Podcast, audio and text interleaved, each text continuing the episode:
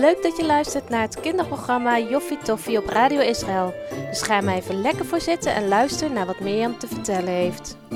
Hallo lieve grote kinderen en kleine kinderen. Vandaag gaan we horen hoe het afloopt met Lissy en Rivka. Weet je nog dat Rivka een kettingje in haar zak heeft? En dat Lissy en Rivka elkaar weer ontmoeten nadat ze ruzie hebben gehad? Zouden ze nog boos op elkaar zijn? Wat denken jullie? Maar eerst wil ik jullie nog wat meer vertellen over het wekenfeest. Weet je nog dat we het vorige week over gehad hebben dat het wekenfeest een oogstfeest is? Maar tijdens het wekenfeest vieren de Israëlieten ook dat ze de Torah gekregen hebben van God. Heel lang geleden, op de berg Sinaï, heeft God de Torah aan Mozes gegeven. En de Torah wordt ook wel vertaald als wet, maar zelf vind ik wet niet zo'n heel mooi woord, want het doet ons denken aan de politie en allemaal regeltjes waar we ons aan moeten houden. Maar eigenlijk is de Torah iets wat God gegeven heeft voor ons om ons te helpen. Het zijn instructies, een soort van lessen die ons helpen om goed te leven, om op een manier te leven zoals God bedoeld heeft, zodat God dicht bij ons kan komen. En niet alleen de Israëlieten, de Joden kennen de Torah, maar christenen kennen die ook. Want de Torah, dat zijn de eerste vijf boeken van de Bijbel. En in de Bijbel, in het Nieuwe Testament, daar staat dat de Torah en het Oude Testament een schaduw zijn van de dingen die nog gaan komen. En aan een schaduw kunnen we al heel veel zien. Want je ziet aan de schaduw of iets een boom is, of een dier, of een mens. En zo kunnen we aan de schaduw van de Torah kunnen we zien wat God eigenlijk ook heeft bedoeld met toen hij de Heilige Geest gaf. Want ik had vorige week al verteld dat tijdens het wekenfeest ook de Heilige Geest gekomen is. En zoals de Torah een helper wil zijn voor ons om goed te leven, zo is de Heilige Geest een helper voor ons nu om goed te leven. En in de Torah zijn Gods woorden, Gods regels, zijn opgeschreven in boekrollen. Maar nu wil God door de Heilige Geest zijn woorden en zijn regels en zijn instructies schrijven in je hart door de Heilige Geest. Om je te helpen. Je kan bidden en je kan God vragen om de Heilige Geest te geven en om te praten in je hart, zodat je weet wat God wil en wat zijn regels zijn en wat zijn bedoeling is voor jou. Ga het maar gewoon eens proberen. Ga maar eens bidden en vraag of de Heilige Geest in je hart tot je wil spreken. En ik weet zeker dat God het zal doen, dat de Heilige Geest zal spreken en dat Hij je zal helpen. Dat heeft Hij beloofd, want dat kunnen we zien aan de schaduw, aan de Torah. Maar zullen we snel verder gaan luisteren hoe het verder gaat met Lizzie en Rivka? Ze weten even niet wat ze moeten zeggen. Maar dan mompelt Rivka: Sorry van vorige week, sloeg eigenlijk nergens op wat ik zei. Lizzie is blij dat het zo makkelijk gaat. Dat had ze eigenlijk niet verwacht. Geef niks hoor, we vergeten het gewoon. Vrienden, zegt ze blij. Even later zitten ze met elkaar aan tafel heerlijk te eten. Rivka is echt blij dat de ouders van Lizzie hen uitgenodigd hebben. Het is lang geleden dat ze zo lekker en uitgebreid gegeten hebben. Ze ziet dat haar moeder ook eindelijk weer eens blij kijkt. Dat is al heel erg lang geleden. Rivka heeft veel om over na te denken. Als ze bedenkt hoe fijn het is dat de ouders van Lizzie zo gastvrij zijn, moet zij dan ook niet eens wat gastvrijer zijn voor mensen zoals Rut? Boas was ook al zo vriendelijk voor Rut. En als ze eerlijk is, moet ze toegeven dat Boas net zo goed heel vriendelijk voor haar was en voor haar moeder en voor anderen. Ja, ze heeft nog een hoop te leren. Dat begrijpt ze nu ook wel. Eigenlijk wil ze ook wel graag leren hoe ze kan leven zoals God dat wil. Dankbaar. En dingen met elkaar delen. Na het eten ruimen de vrouwen alles op. Lizzie en Rivka gaan daarna nog even gezellig naar Lizzie's kamer. Ze hebben elkaar een paar dagen niet gezien en hebben elkaar heel veel te vertellen. Rivka vertelt over Rut, dat ze haar gesproken heeft en dat het zo'n vriendelijke vrouw is. Lizzie vertelt nog wat dorpsnieuwtjes. En Rivka wordt steeds stiller. Het is zo'n mooie avond, maar zit daar echt nog iets dwars. Dan kan Rivka haar geheim niet meer voor zich houden. Hé hey Lizzie, ik heb van de week iets heel moois gevonden. Ze voelt even in haar zak en houdt dan het prachtige gouden kettingje in haar hand. Wauw, dat is mooi. Zoiets moois heb ik nog nooit gezien. Vooral dat prachtige steentje erin. Maar wat ga je ermee doen? Je gaat het toch niet zelf houden, zegt Lizzie. Rivka slaat haar ogen even neer. Maar besluit alles eerlijk te vertellen aan Lizzie. Daar ben je tenslotte vriendinnen voor.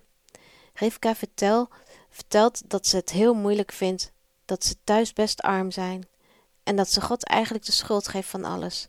Dat haar vader gestorven is en dat ze nou zo hard moet werken en dat ze daarom vindt dat ze dit kettingje best mocht houden. Als ze dat verkocht had, zouden ze nu niet zoveel zorgen meer hebben.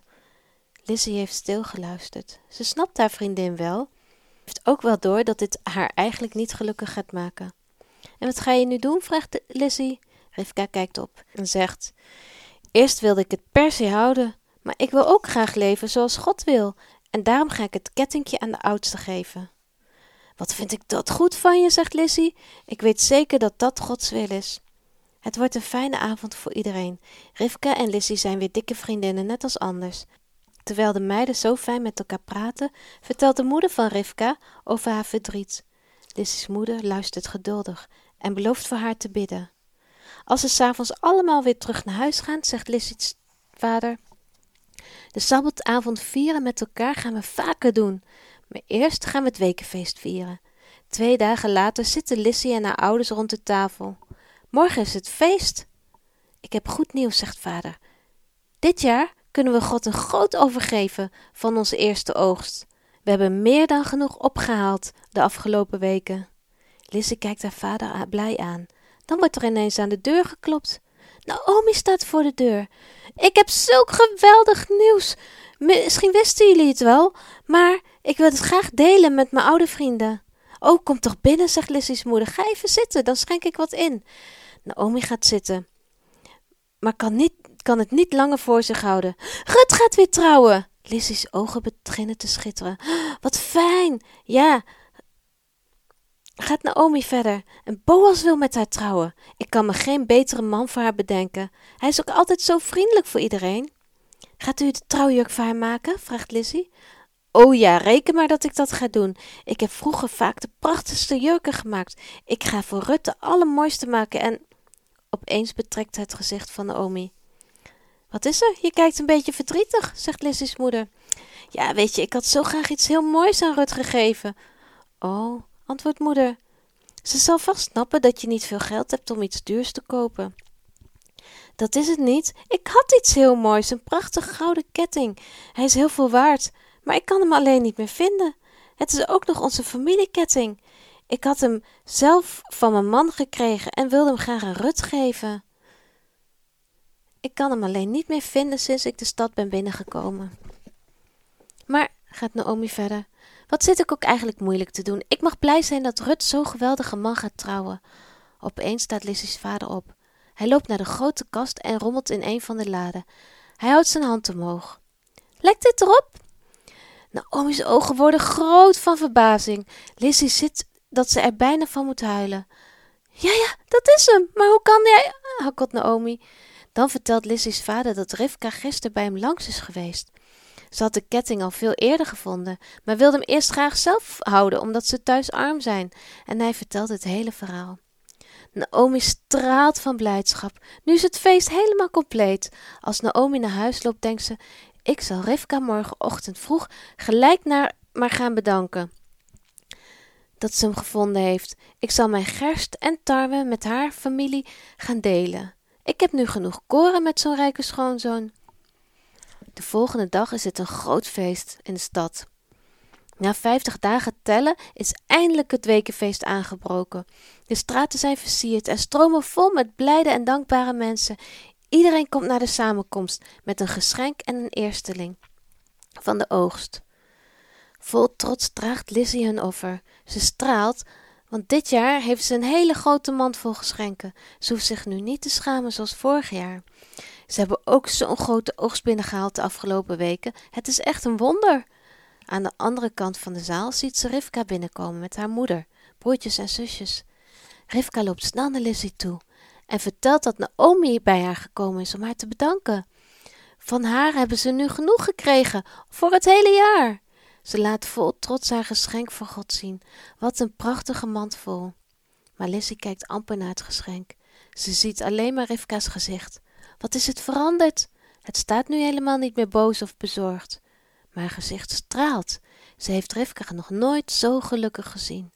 Stil dankt Lizzie God voor alles. Lieve Vader in de hemel, ik wil u danken voor dit mooie feest. U geeft ons meer dan genoeg en we kunnen zelfs delen met anderen van wat wij hebben. En, hoe vonden jullie het verhaal? Hebben jullie een beetje idee gekregen wat het wekenfeest betekent? We mogen God enorm dankbaar zijn voor alles wat Hij ons gegeven heeft. Dat we ons geen zorgen hoeven maken over welke kleren we aan gaan doen, of dat er wel eten zal zijn, of dat we een dak boven ons hoofd hebben. Maar bovenal mogen we God dankbaar zijn dat Hij ons helpers heeft gegeven. De Torah, de instructies en de Bijbel, het Oude Testament en de Heilige Geest, die ons wil helpen in ons hart.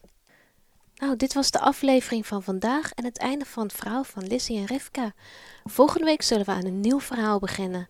Ik hoop dat jullie dan ook weer luisteren. En voor nu, tot ziens! Dit was Joffie Toffie, het kinderprogramma van Radio Israël. Wil je nog graag iets kwijt? Stuur ons dan gerust een berichtje op joffietoffie.radioisrael.nl De presentatie was in handen van Mirjam en we vonden het joffie tof dat je luisterde en hopen dat je er een volgende keer weer bij bent.